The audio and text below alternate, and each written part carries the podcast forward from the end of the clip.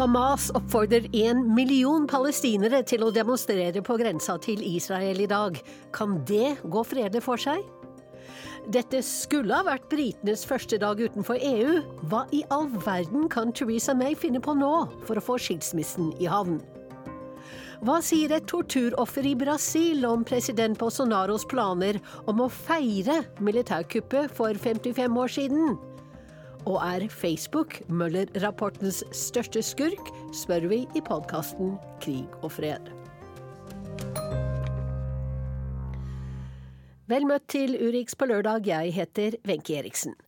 Korrespondentbrevet denne uken kommer fra Sissel Wold i Istanbul.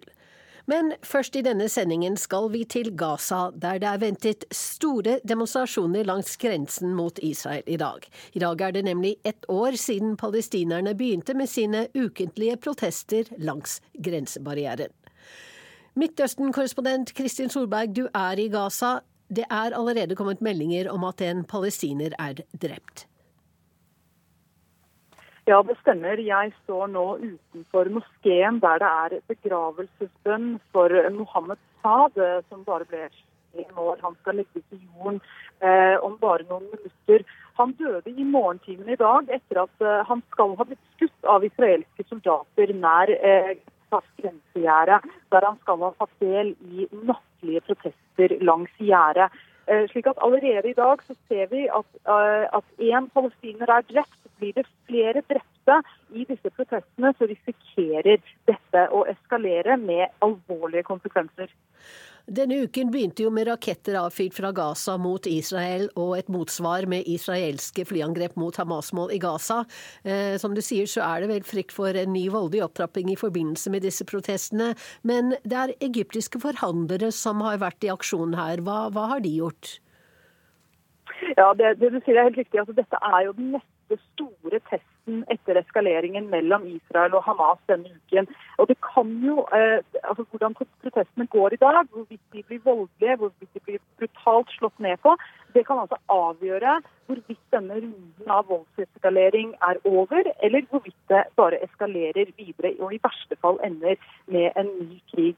Slik at Egyptiske forhandlere de har de siste dagene gått i skytteltrafikk mellom Israel og Gaza. De har forsøkt å få Hamas til å tone ned disse protestene, eller i det minste sørge for at protestene ikke fører til, til uh, vold. Og I går kveld så kom det instrukser fra arrangørkomiteen her til deltakerne, eh, der de bl.a. ba om at de ikke måtte gå for nærme grensegjerdet, ikke fly brennende drager eller ballonger over grensen, og holde seg på trygg avstand fra israelske soldater. Og Det kan altså tyde på at det presset som egyptiske forhandlere har lagt på Hamas, har funket. Men spørsmålet er hvorvidt man klarer å kontrollere det. Dukker det opp mange til tusen protester, eh, demonstranter her i dag, så kan det bli vanskelig å kontrollere. Disse protestene, eh, demonstrasjonene, har pågått hver fredag eller en gang i uken. Har de oppnådd noe som helst med protestene de har holdt? Ja, de har oppnådd litt. Altså, dette, skal, dette skal jo være eh, protester eh, for å markere eh, det palestinerne mener er kravet til å eh, returnere til hjemstedene sine eh, i, i, i dag. Og dette, er, dette har pågått som du sier, hver uke ikke. Jeg var på de i går. Eh, da var det langt færre folk eh, og mye mindre trykk enn det det var bare i fjor. Og, og presset mot Hamas eh, innad på Gazastripen har, har, jo også økt, rett og slett fordi man ikke har klart å bedre levekårene her, her inne på, på Gaza. Som, som at Hamas er jo også under et visst press som gjør at, at denne situasjonen er relativt uh, uforutsigbar. Takk skal du ha, Sissel, uh, unnskyld, Kristin Solberg fra Gaza. Ja, i dag eh, så skulle det ha vært den første dagen i resten av britenes liv, altså et liv utenfor EU. Men som vi vet, slik gikk det jo ikke. Brexit-kaoset fortsetter etter at parlamentet for tredje gang i går sa nei til Theresa Mays skilsmisseavtale med unionen. Og vi har med oss London-korrespondent Øyvind Nyborg og Brussel-korrespondent Philip Lote. Øyvind, til deg først. Hva skriver og sier britiske medier i dag om det som skjedde i går? Det er uh, slik at uh, det, skulle, det, er store bilder og overskrifter med alle de titusenvis av menneskene som i går uh, skulle ha feiret Storbritannia var ute av EU, men som isteden demonstrerte utenfor Westminster fordi de føler seg forrådt over at brexit foreløpig ikke blir noe av. Det, det, er selvfølgelig slik at det politiske kaoset nå får det glatte lag på kommentatorplass. The Daily Telegraph f.eks. De, de skriver at politikerne nå trenger en lang ferie. De skriver skriver at etter to år med kaos, så ser det ut til at eh, de alle sammen ser ut som nervøse vrak, og at det er mer sannsynlig at en gjeng sjimpanser i bur kan komme opp med en brexit-plan, enn at politikerne gjør det. Så er det slik at Både storavisene eh, The Times og The Daily Telegraph skriver på lederplass at det nå haster med å få på plass en ny statsminister. Eh, tabloidavisen The Sun er kanskje aller skarpest i dag og skriver på forsiden at politikerne burde skamme seg, og at de nå har forrådt 17,4 millioner mennesker som stemte stemte for brexit. Ikke nådig der, altså. På den andre siden av kanalen, eh, Philip Lote, hva mener europeiske medier og politikere for den saks skyld om eh, handlingslammelsen i London? Ja, den belgisk-franske avisen Le Soir har ryddet store deler av sin forside og skriver nok en gang er det nei. Og Både eh, franske og belgiske aviser skriver først og fremst om den fastlåste situasjonen Theresa eh, May befinner seg i. Og som du sa innledningsvis, dette som var, skulle være den første dagen for Storbritannia ute av EU, gjenspeiler heller en kaotisk situasjon hvor ingen ser veien ut. Og en del eh, venstrevridd fransk presse, eh, bl.a. sentrum-venstreavisen Le Mons, eh, trekker også frem eh, Nigel Farage, som eh, mente at dette var uavhengighetsdagen, men nå er det en situasjon hvor han på en måte har mistet sitt eget parti, som er blitt et ekstremt høyre islamofobistisk parti. Eh, og at det er veldig mye som brexit-bevegelsen hadde på gang, som nå virker som eh, om at det er helt, eh, helt borte. Øyvind, hva i all verden kan Theresa May finne på nå for å komme ut av denne situasjonen? Noen må jo ta en alvorsprat med noen denne helgen? Ja, Alvorspraten den begynte i Downing Street allerede i går kveld. Eh, nå skal jeg prøve å snakke eh, sakte og, og, klart, fordi dette som skjer nå, det er jo ganske komplisert. Rent formelt nå så er det slik at Storbritannia forlater EU 12.4 uten noen avtale, med det kaoset og de negative konsekvensene det vil få. Eller så er de nødt for å be om en utsettelse, og det siste er mest sannsynlig. Og det innebærer eh, at britene må ta del i valget til nytt EU-parlament i mai.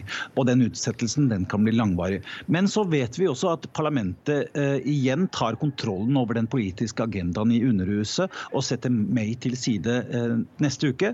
De vil ha en superfinale over de alternative forslagene, alternative forslagene til brexit som, som, de hadde denne uken. Og det er jo da eh, alternativet som inkluderer medlemskap i EUs tollunion. Og Derfor så er det slik at det nå snakkes om at Mays brexit-avtale kan komme opp igjen en fjerde gang, satt opp mot det Underhuset stemmer for på mandag. Så Da kan vi se en situasjon der det blir et, eh, et race mellom brexit-avtalen eh, eller f.eks. da medlemskap i EUs tollunion eller en ny folkeavstemning, eller avblåse hele greia.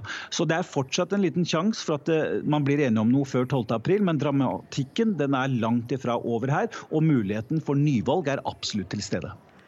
Og Philip, EU eh, e skal ha et nytt krisetoppmøte 10.4, altså to dager før den nye brexit-datoen.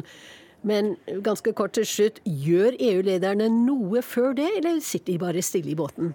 Jeg tror det foregår intense sonderinger både på tvers av kanalen og også mellom eh, de ulike eh, hovedstedene i EU. Eh, og Reaksjonen fra EU var ganske rask i går. De trykket bare på send-knappen. De hadde allerede forberedt eh, sin uttalelse. Det blir et nytt toppmøte den 10.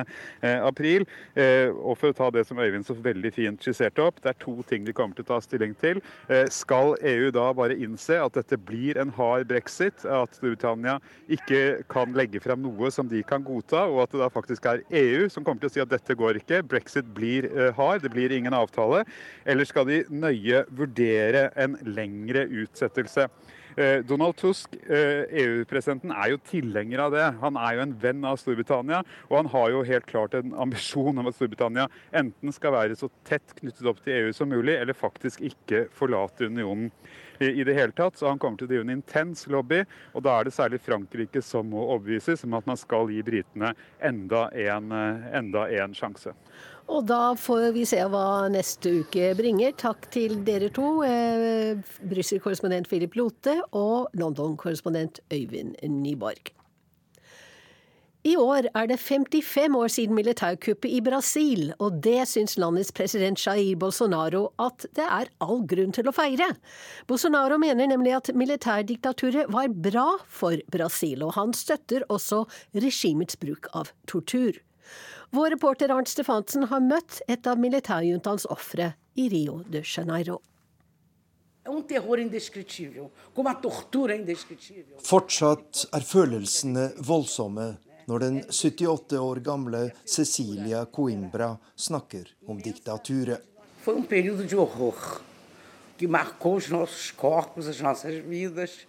det var en grusom tid, og den har satt spor på våre kropper og i våre liv som aldri blir borte. Jeg ble fengslet i august 1970 under en av de verste regjeringene i løpet av det 21 år lange diktaturet.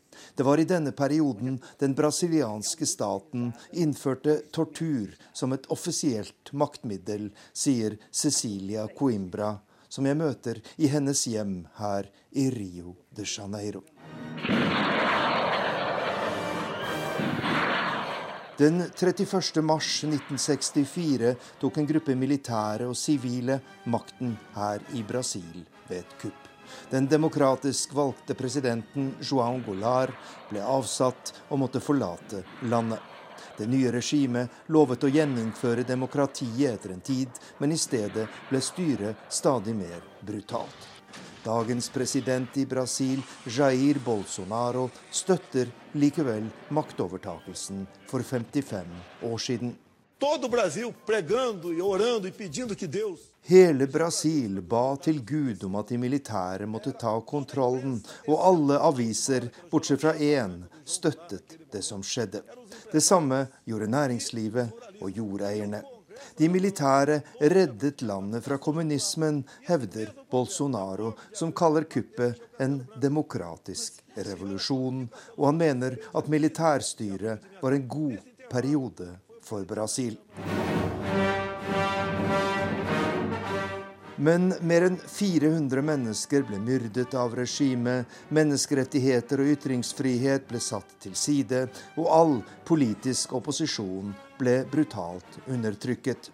I tillegg ble tusener fengslet og torturert, blant dem Cecilia Coimbra. For henne er det ufattelig at en folkevalgt brasiliansk president kan støtte bruken av tortur.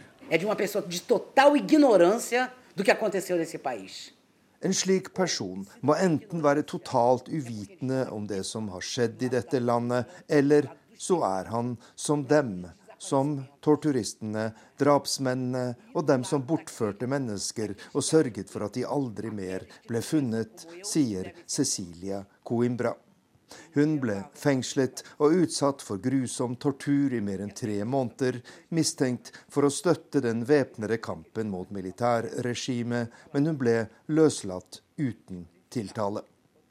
Porta-voz da presidência confirma que Jair Bolsonaro determinou comemorações I morgen er det 55 år siden militærkuppet, og Jair Bolsonaro har bestemt at under hans styre skal denne dagen feires.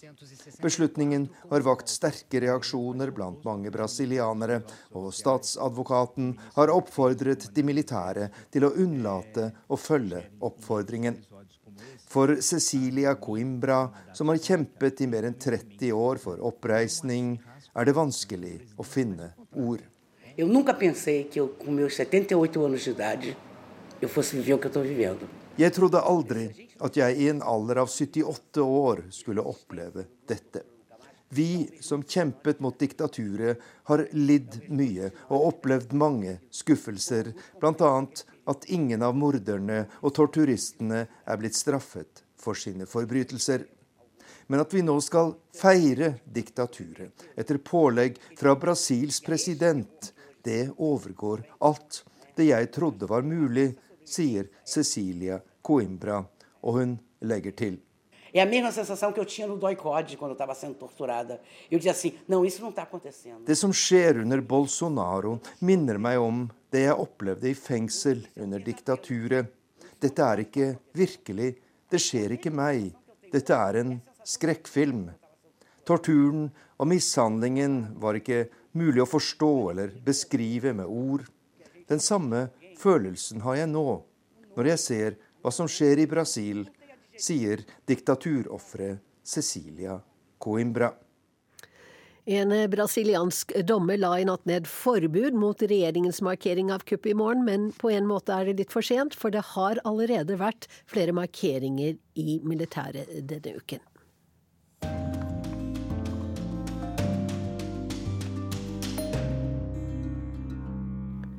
Vi skal tilbake til 1960-årene, til en liten by i Øst-Tyskland. Dit kom det et menneske fra et, langt, et, land langt unna, med et helt spesielt talent som satte byen på hodet. Berlin-korrespondent Guri Nordstrøm forteller historien om ham som fikk navnet Pelé fra Neubrandenburg. Du Schilder hinweg ein platzierter,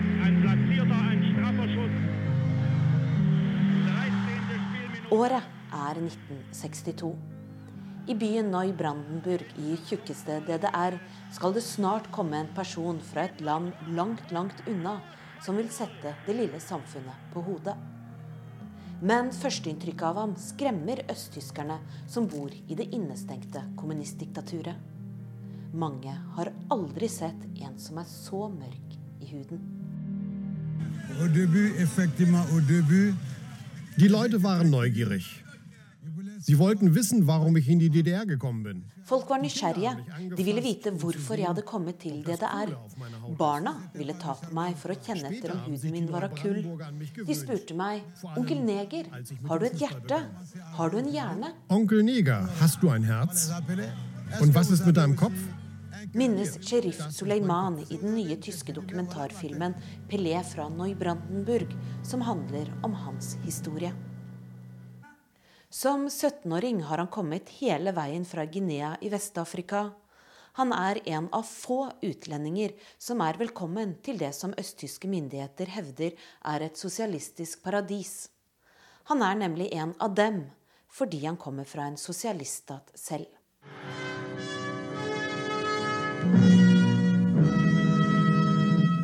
Hier eröffneten in dieser Woche DDR-Generalkonsul Siegfried Kempf TV-reportasjene fra den gang forteller om båndene som knyttes mellom sosialiststatene. als einen guten Beitrag für die engere Zusammenarbeit zwischen der DDR und Guinea. Det er kald krig, og som et ledd i at DDR trenger de vennene de kan få for å bli sterkere på den internasjonale scene, står nå mannen fra Guinea her som et produkt av diplomati og storpolitikk. Tusenvis av kilometer hjemmefra, klar for en toårig sosialistutveksling for å jobbe i byggebransjen. Språket mangler, men de nye østtyske arbeidskameratene ser noe som skal vise seg å være langt viktigere. Han spiller fotball. Og da har man gesehen, dass ein fotballer ist. Kurz gesagt, super Typ. Kollegaene tar ham med til den lokale fotballklubben, og det går ikke lang tid før klubben når høyder de aldri før hadde turt å drømme om. Suleiman, som har lært å spille fotball barbeint i hjembyen Kindia, rundspiller tyskerne i det kalde nord. Og i lokalavisa blir det etter hvert vanlig å lese at klubben vinner med opptil ni mål over motstanderne, og at det er klart at de har én person å takke for det. Mannen de nå bare kaller Pelé fra Neubrandenburg. Etter to sesonger rykker laget opp i Øst-Tysklands øverste divisjon. En fantastisk Augenblick. De var overlykkelige da vi rykket opp. Det var som om de hadde adoptert meg, forteller überglücklich. Og han minnes sangen de sang da han ble kastet i været. Men så kommer nedturen. Und dann gab es im Statut des DDR-Fußballs, äh, dass Ausländer nicht in der Oberliga spielen durften. Det sto i statuttene til DDR at utlendinger ikke kunne spille i øverste liga uten noe mer forklaring. Da var kapittelet med ham over, forklarer lagkameratene fra den gang. Das Kapitel mit unserem Sheriff zu Ende. Hvorfor? Fordi det ikke passet inn i illusjonen om DDR at de skulle trenge hjelp til noe utenfra. Det var jo de som skulle ha de beste folkene selv. Kommunistvennskapet på tvers av grensene strekker seg altså ikke lenger. I 1964 må Suleiman reise tilbake til Guinea igjen, og Noi Brandenburg rykker ned. Men for Suleiman har eventyret bare begynt. Han kommer inn på landslaget i hjemlandet, der han blir i tolv år. Han spiller for Guinea under OL i Mexico i 1968, og i 1972 blir han kåret til Afrikas beste fotballspiller. I Øst-Tyskland sitter de gamle lagkameratene igjen.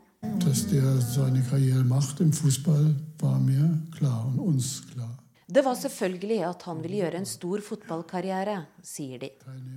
De må fortsatt klype seg i armen mange år etterpå for å forstå at de en gang spilte sammen med Afrikas beste fotballspiller. Ihm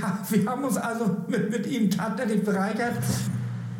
Og Suleiman er langt fra bitter for at han bare var velkommen i Tyskland til et visst punkt. 55 år etterpå, når filmteamet møter ham i Guineas hovedstad Conakry, oppsummerer han det hele slik på klingende tysk. Guinea is my fatherland, eh, and Deutschland is my mutterland. Guinea er mitt fedreland, Tyskland er mitt moderland. To uker etter at eh, syklonen Idai feide innover Mosambik sørøst i Afrika, er det fortsatt landsbyer som nødhjelp ennå ikke har nådd fram til. Det har brutt ut kolera pga. urent drikkevann, og skadene etter syklonen og flommen som kom etter, er enorme. Plan Internationals landdirektør i Mosambik, danske Anna Hoff, har besøkt områdene som er hardest rammet. Men altså, mennesker har jo måttet klatre opp i trærne, og jeg har snakket med kvinner og barn, der har siddet der i tre til fire dage uden mad og drikke, før vi liksom fikk dem reddet øh, øh, med, med, med, med båt, altså. Fordi det var jo flom. Det var, flommen var jo enorm. Når det gjelder selve provinshovedstaden, altså øh, Bæder, det er så 80% av husene de har takskader. Mange, mange skoler øh, er totalt skadet. Øh, vi snakker øh, over 3000 skoler, øh, der er totalt skadet. Altså vi begynner jo så smått å få et overblikk over de, de materielle skader, som altså er enorme.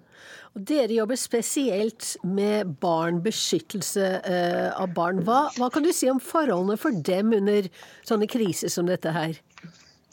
Jamen, altså sådan nogle slike kriser som vi har nå, efter sådan en cyklon, de er ofte sådan uoversiktlige. Altså mange børn, øh, som sagt, har kommet bort fra, fra, familie, fra familierne sine, og, og de er derfor sårbare over for overfald og seksuelle overgreb og, og vold, og også trafficking.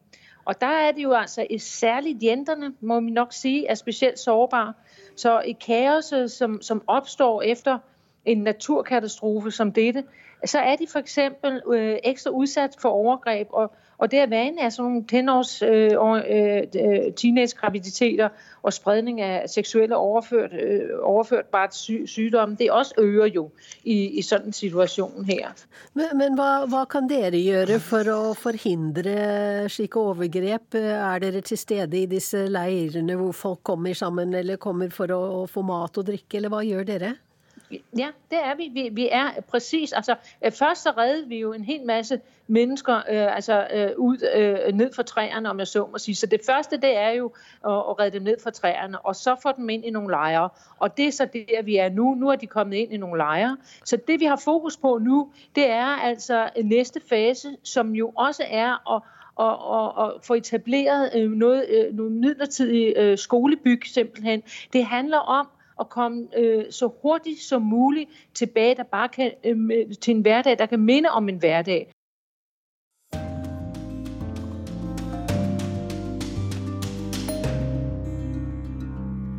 Det er tid for ukens korrespondentbrev. Det kommer fra Sissel Wold i Istanbul. Pling! En melding tikket inn på WhatsApp-gruppen til oss utenlandsjournalister i januar. En hollandsk frilanser var anholdt og skulle sendes ut av landet neste dag. Hva hadde skjedd? De neste timene satt vi som klistret til mobilene våre og tekstet intenst med hverandre. Hvor hadde hun trådt feil? Hadde hun skrevet noe galt om president Erdogan? Hadde hun intervjuet PKK-kurdere eller gulenister? Hadde hun tvitret noe hun ikke burde? Vi ville alle vite hvor den røde linjen går nå, og hva som skal til for å bli kastet ut av landet. Neste morgen tvitret hun. Plutselig sitter du på flyet tilbake til Nederland, erklært som en uønsket person i Tyrkia. Det viste seg at hun hadde hatt en syrisk kjæreste for fire år tilbake. En mann med bånd til al-Nusra-fronten, som har forbindelser til Al Qaida. Nederlandsk etterretning sa til tyrkisk etterretning at de ville avhøre henne i en sak koblet til terrorgruppen. Vår nederlandske kollega var verken mistenkt eller involvert i saken, men tyrkerne tok ingen sjanser og sendte henne rett ut. Men utsendelsen hadde altså ikke noe med journalistikk å gjøre. Vi senket skuldrene, men bare i to uker. Hver morgen går jeg ut for å hente avisen, og hver morgen lurer jeg på om det står noe av betydning der. Det første året brukte jeg mye tid på å lese avisen Horriet Daily News. Gode kommentatorer og journalister forklarte verden sett fra Tyrkia. Og de skrev relativt fritt om president Recep Tayyip Erdogan, hans parti AKP, og debatter innad i tyrkisk politikk. Men da et firma som støtter Erdogan kjøpte opp avisen for ett år siden, sluttet flere av reporterne. Andre fikk nok sparken. Sakte, men sikkert endret innholdet seg. Jeg lurer ofte på hva de driver med nå, de journalistene som jeg likte så godt å lese i Horiet i fjor. Vi utenlandske pressefolk har det godt i forhold til våre tyrkiske kolleger som mister jobbene sine, og ikke minst de som sitter i fengsel. Men siden nyttår har ting endret seg også for oss. For i februar sluttet mailene som bekrefter at et nytt pressekort er innvilget, å komme. Av de rundt 300 personene som jobber for utenlandske medier her, ventet rundt 50-60 kolleger fremdeles på nye kort idet dagene tikket mot mars måned. Både Tor Arne Andreassen fra Aftenposten og jeg hadde fått våre kort som normalt tidlig i januar. Men alle de andre skulle ikke de også få nye pressekort? I Tyrkia må vi ha pressekort for å kunne jobbe. Hver gang vi filmer eller intervjuer noen på gaten, kommer politiet etter få minutter og spør hva vi driver med. Jeg viser frem pressekortet, og de lar oss fortsette å jobbe. Det lille kortet er arbeidstillatelsen vår. Det er billetten inn til pressekonferanser, offentlige arrangement, og det får deg gjennom politisperringer når noe skjer. Og ikke minst må du ha pressekort for å få oppholdstillatelse. Får du ikke fornyet kortet, ja, så kan du ikke jobbe her. Men hva skal til for å miste pressekortet? Det vet ingen. Etter hvert som ukene gikk og kortene stadig uteble, lette alle etter forklaringer. Kanskje det nye pressekontoret under Erdogans nye presidentstyre ikke fungerte helt ennå? Kanskje dette bare skyldtes byråkratisk sommel? Kanskje det var noe galt med kortprintermaskinen? Og kanskje pressekortene fra 2018 fremdeles kunne brukes? Den store testen kom 28.2. Da skulle Tyrkias finansminister Al-Barak, som også er Erdogans svigersønn, og EU-kommisjonens visepresident Katainen stolt fortelle europeiske journalister en god nyhet, til tross for det litt vanskelige forholdet mellom EU og Tyrkia. For nå skulle EU gi Tyrkia 2,5 milliard kroner til utbygging av en jernbane fra Bulgaria til Istanbul. Men seks pressefolk fra nettopp EU-land ble nektet adgang til denne pressekonferansen.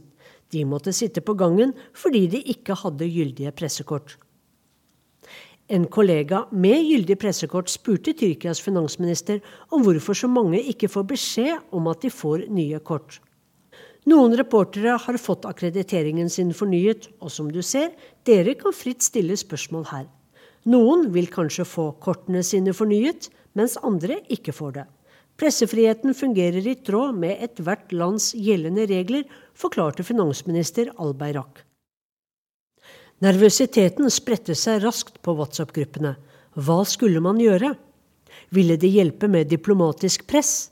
Skulle vi rapportere i mediene våre og lage støy? Eller var det best å bare sitte helt stille i båten og vente? Få dager etter plinget en ny WhatsApp-melding inn. To tyske kolleger hadde fått et endelig og skriftlig avslag på søknad om nytt pressekort. De måtte forlate Tyrkia 10.3. Jeg og mange andre journalister dro til en improvisert pressekonferanse for å høre hva de to tyskerne hadde å si før avreise. Den ene, Jørg Brase, ledet Istanbul-kontoret til den store tyske TV-kanalen CDF. Han dekker Tyrkia, Iran og Afghanistan. Jeg har absolutt ingen anelse om hva problemet er. For vi får ingen begrunnelse, sa Brase oppgitt. Han får ikke jobbe i Nato-landet Tyrkia, men Iran derimot har gitt ham alle presseakkrediteringene han trenger for å bo der. Nå vil jeg flytte basen min til Iran, sa han før han forlot Tyrkia etter bare 14 måneder. Den andre, Thomas Seibert, har bodd og jobbet i Tyrkia i hele 22 år.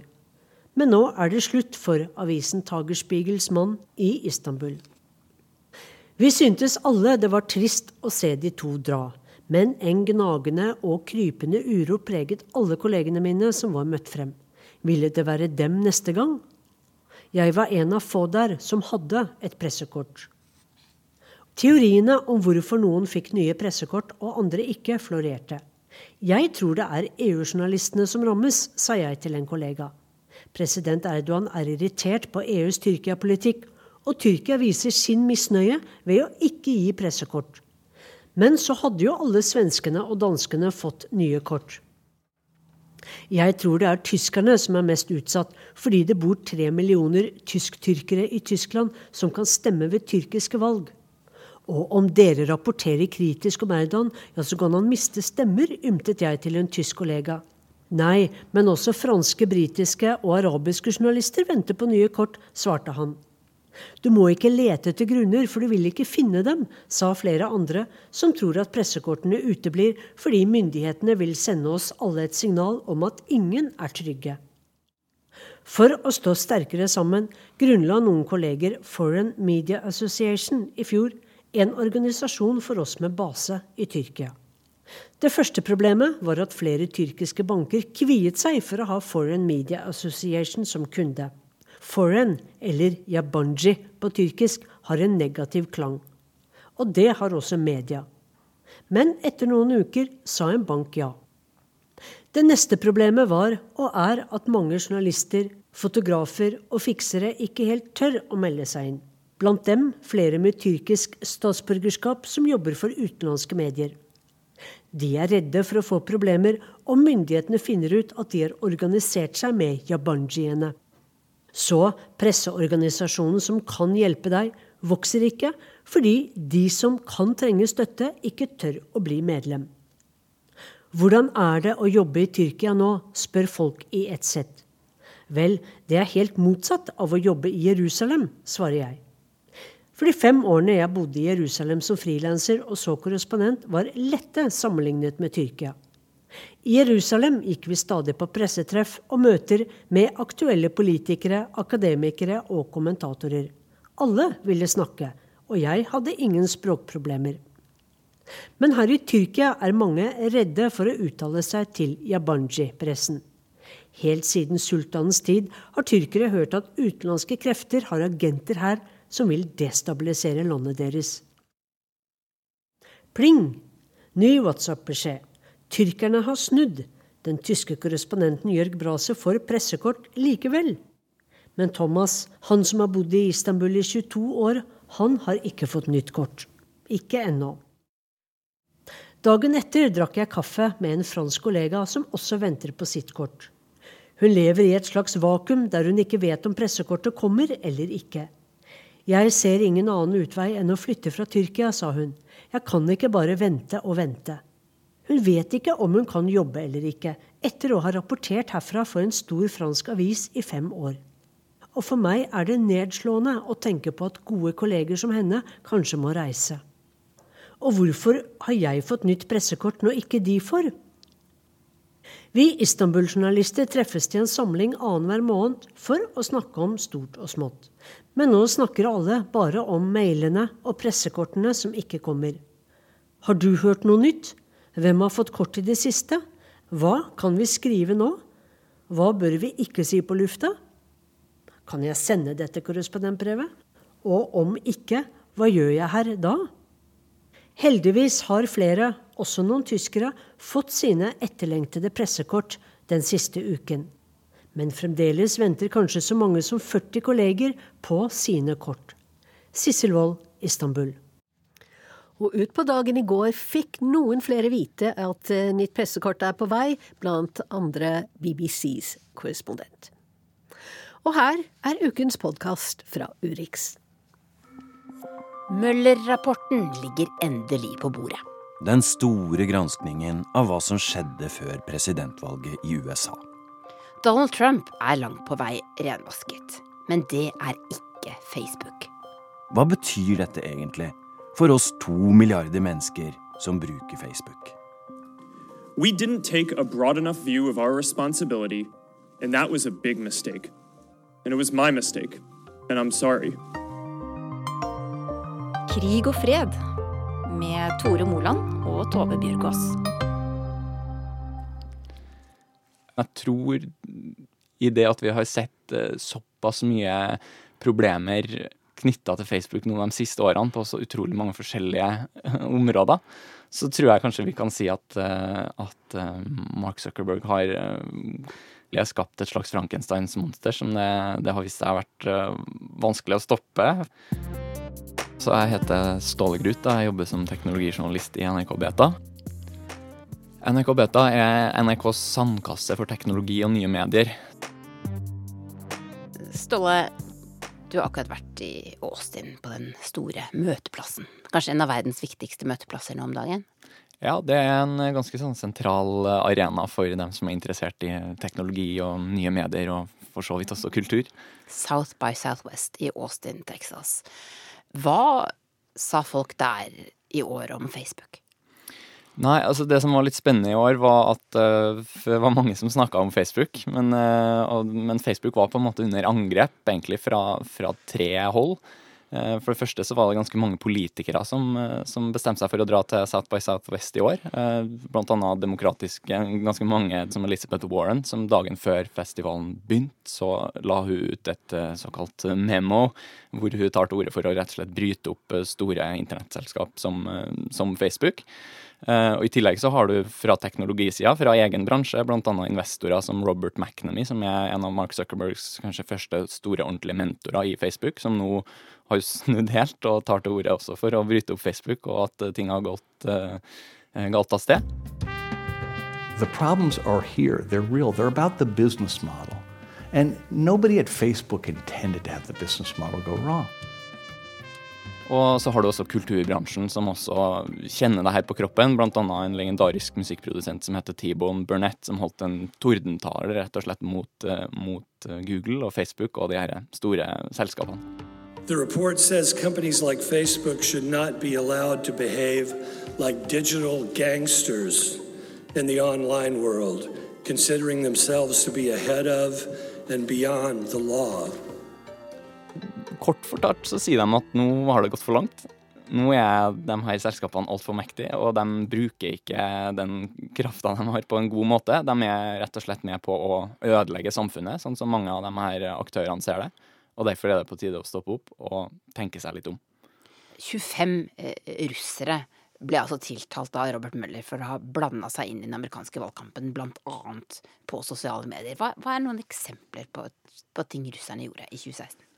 Altså, de laga mange forskjellige kontoer på både Facebook og, og Instagram, f.eks. Eh, hvor de på en måte posta innhold og kjøpte også reklamer. Uh, og innholdet her varierer ganske mye. Det, det er f.eks. en profil som heter United Muslims of uh, America, som, som uh, de promoterte reklamer for. Og, og, det var en annen som het f.eks. Army of Jesus, som la ut meldinger som sier at Satan sier eh, at han ønsker at Clinton skal vinne, f.eks., men Jesus sier at eh, ikke hvis jeg kan stoppe det, og Såpass. du må like da, for, å, for å hjelpe Jesus i å på en måte slå tilbake Satan og Clinton. One account was set up to try to rally the Muslim community in, in Texas. Another was an attempt to kind of rally the right wing in Texas. I den ferske dokumentaren Facebooks dilemma beskriver den amerikanske senatoren Mark Warner noen av de falske kontoene russere laget på Facebook i valgkampen i 2016. To av dem hadde som mål å splitte amerikanske velgere i synet på muslimer, og endte i demonstrasjon utenfor en moské i Houston i Texas.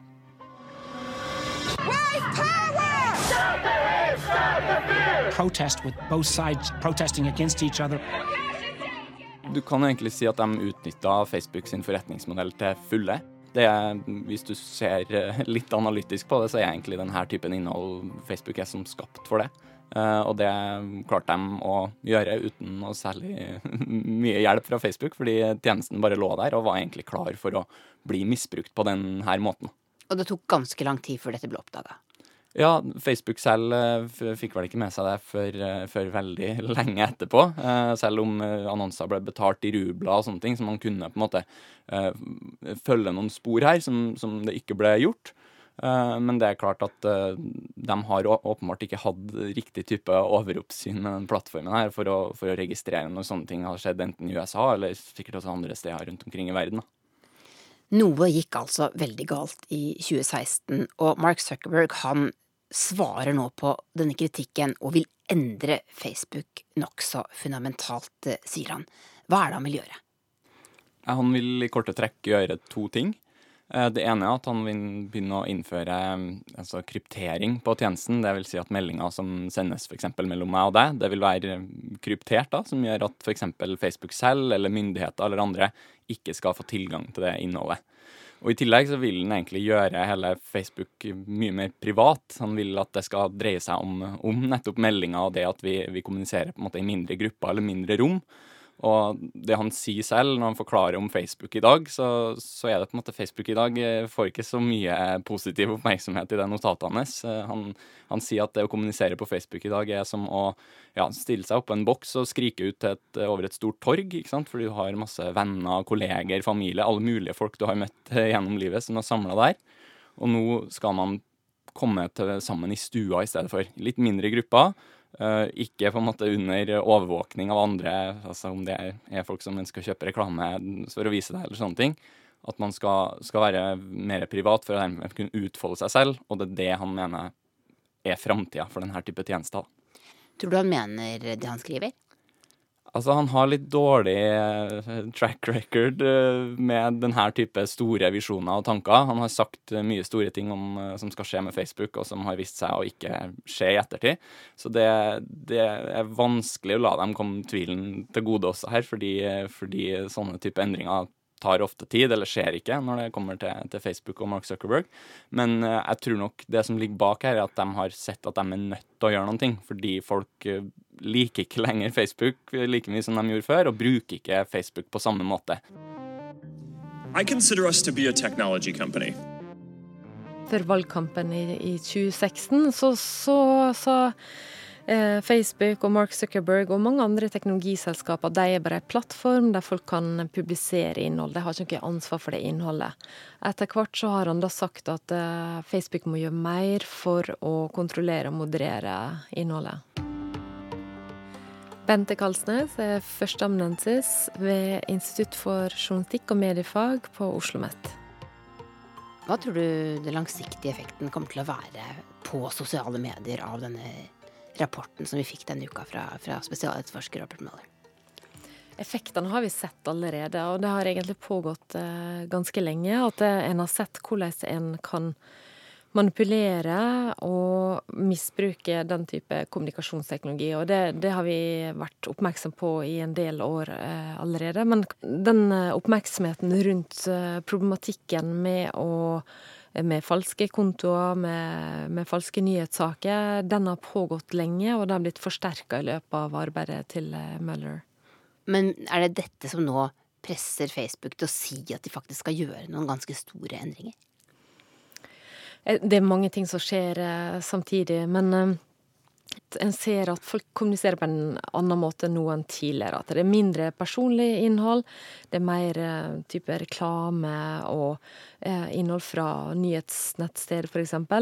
Mens det mer sånn engasjerende personlige innholdet foregår andre plasser. og Gjerne i lukka grupper og i, i lukka chatter. Eh, så mange har flytta seg over da, til eh, andre plattformer, sånn som eh, Snapchat og Instagram, fordi det, de mener at det er en mer meningsfull måte å kommunisere på. Og det er noe det forskerne har kalt altså når du får en sånn kontekstkollaps, altså når du skal snakke med så mange forskjellige samtidig. Det er tanta di, det er arbeidsgiveren, det er naboen din, det er en politiker en følger, så blir det veldig vanskelig å kommunisere. Så derfor fungerer ikke den nyhetsstrømmen så godt for folk lenger. Facebooks planer om å lage nye kommunikasjonsformer blir kanskje lettere av at selskapet de siste åra har kjøpt opp flere av konkurrentene sine. I 2012 kjøpte de Instagram, og i 2014 kjøpte de WhatsApp. Innimellom har de tatt over 79 andre selskaper. Snapchat er kanskje den største som ikke eies av Facebook. Det de da kanskje Det kan virke som at de beveger seg mer mot, det er mer sånn lukka privat kommunikasjon. Vekk fra en sånn her fellesstrøm. Altså Innenfor forskninga så snakker en om eh, dark participation. At det, en har da politiske debatter som foregår i, eh, i mindre grupper eller i chatter med folk som er trygge på hverandre. Og den eh, eh, filterbobleeffekten som mange har eh, frykta ganske lenge, den kan bli enda større der enn hva den er i nyhetsfeeden. For i nyhetsfeeden så får en gjerne innhold fra mange forskjellige typer stemmer. Mens i de mindre gruppene så kan en i enda større grad få folk som er veldig veldig enige i hverandre.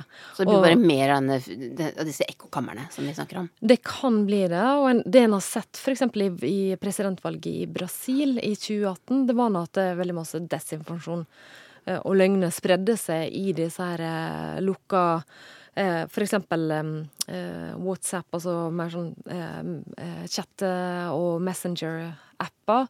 At det var en effektiv måte for folk å dele politisk informasjon. Også informasjon som var falsk og ukorrekt.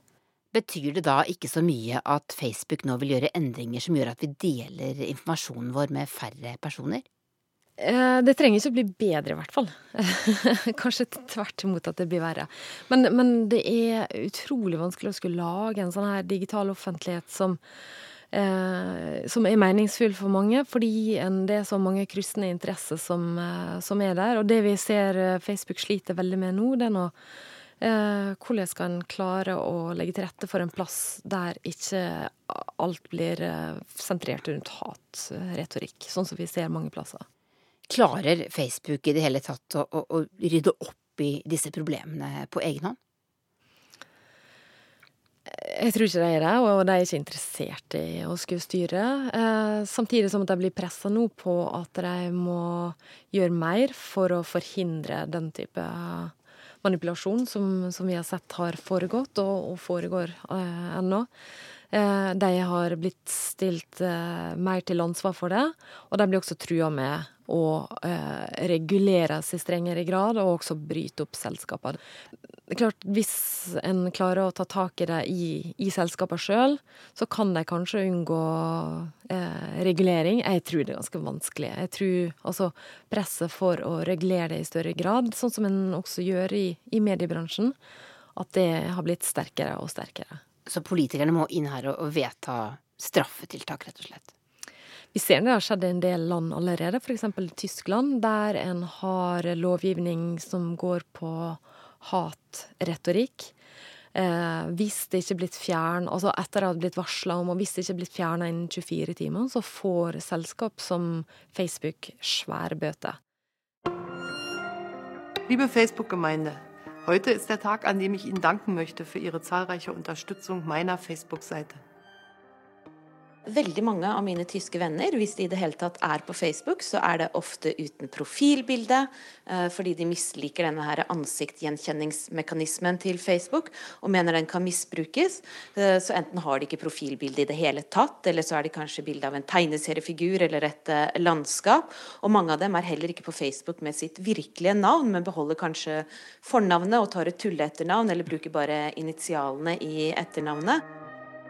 Jeg heter Guri Nordstrøm og er europakorrespondent for NRK og bor i Berlin. Du og jeg vi satt og spiste lunsj på et sånt eh, møte vi hadde i redaksjonen vår her i Oslo for, for, for, et par måneder siden, og snakket om hvordan jeg hadde blitt amerikansk, og hvordan du hadde blitt uh, tysk av å bo i utlandet. Jeg sa at jeg blant annet hadde sluttet å spise med kniv og gaffel, og bare spist med gaffel, men du sa at du hadde blitt veldig opptatt av uh, privatlivet ditt på nett. Hvordan har du blitt påvirket av, av tyskerne?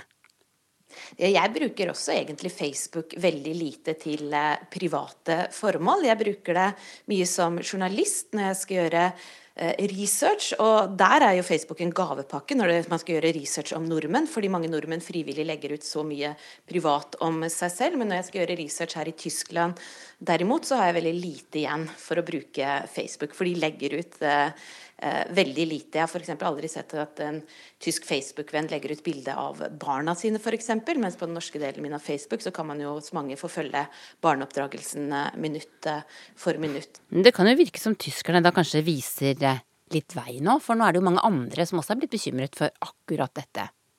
Ja, her så har Facebook ca. 23 millioner daglige brukere, men det er langt fra alle som bruker Facebook, ettersom det bor over 80 millioner her. Og i en undersøkelse fra 2015 så sa to tredjedeler at de bevisst styrer unna internettjenester hvor de må oppgi personlige data.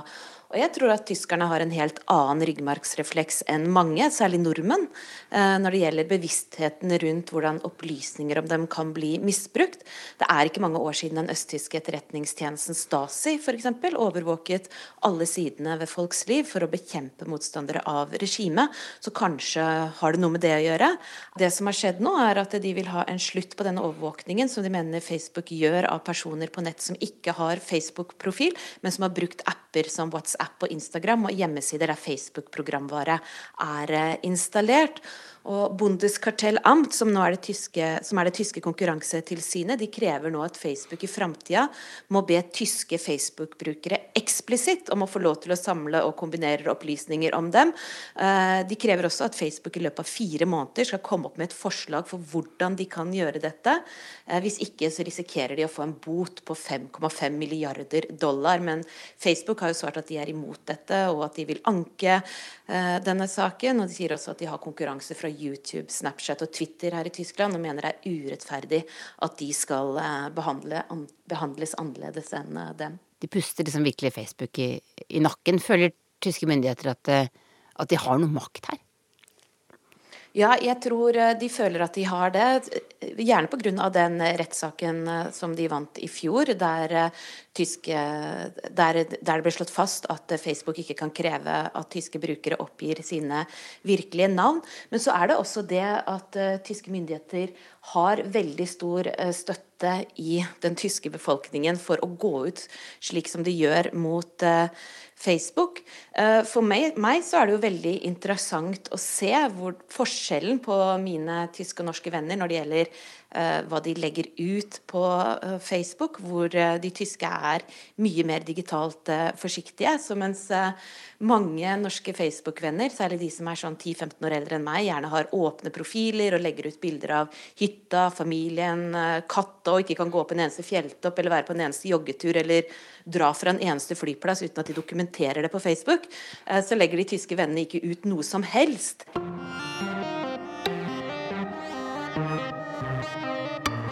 Ståle, hvordan bruker du sosiale medier? Jeg har lenge brukt mye sosiale medier. Jeg gjør det for så vidt i dag òg. Følger det med jobben min som, som, journalist på de områdene her, så er det på en måte vanskelig å holde seg helt unna. Uh, men samtidig så har jeg på en måte kjent i det siste at det, det på en måte Både i det hva tjenestene representerer, hva de Eh, eller i hvert fall hva, hvilken følelse jeg har av eh, hva de gjør med meg, så har jeg kjent at nå har jeg et behov for å trekke meg litt unna. Uh, for eksempel Instagram. Det er jo veldig gøy å, å være på Instagram, men samtidig så blir man på en måte sugd inn i en verden som, som kanskje ikke er så, så, gøy å være i lenge av gangen. Så jeg har nå egentlig trukket meg godt tilbake fra sosiale medier. Jeg er der for å følge med litt, men kjenner vel ofte på at jeg like gjerne kunne og burde sletta kontoene mine der, fordi jeg ikke det er vanskelig å stå inne for det de tjenestene representerer, i hvert fall i dag. Da. Du som jobber med sosiale medier, vurderer å slette kontoene dine? I hvert fall hos mange av de, de store aktørene i dag, ja. Men, du, hadde du klart det? Jeg kunne nok ha gjort det, ja. Hvordan klarer man det? Nei, det er å gå inn på kontoinnstillinger og så trykke deaktiver. men hvordan Men sånn psykologisk eh, Nei, sosialt sett? Jeg, jeg tror det er, det er mange som, som, sier i dag at man er på en måte Hvordan skal man bli litt mindre avhengig av mobilen, og hvordan skal man på en måte slutte å være så mye på mobilen eller på sosiale medier? Uh, men jeg tror at um, man egentlig er nødt til å ta et, liksom, et, et, steg tilbake og tenke for sin egen del. Hva, hva, får jeg ut av de tingene her? Gir det her meg mer enn det jeg, jeg putter inn i det? Uh, og det er på en måte der man er nødt til å starte med seg selv. Da. Hvordan, hvordan uh, Prøv å ta en uke pause, prøv å ta en måned pause, se hva gjør det med deg. Teknisk ansvarlig for Urix på lørdag var Finn Lie, produsent Katrine Nybø, og her i studio takker Wenche Eriksen for seg.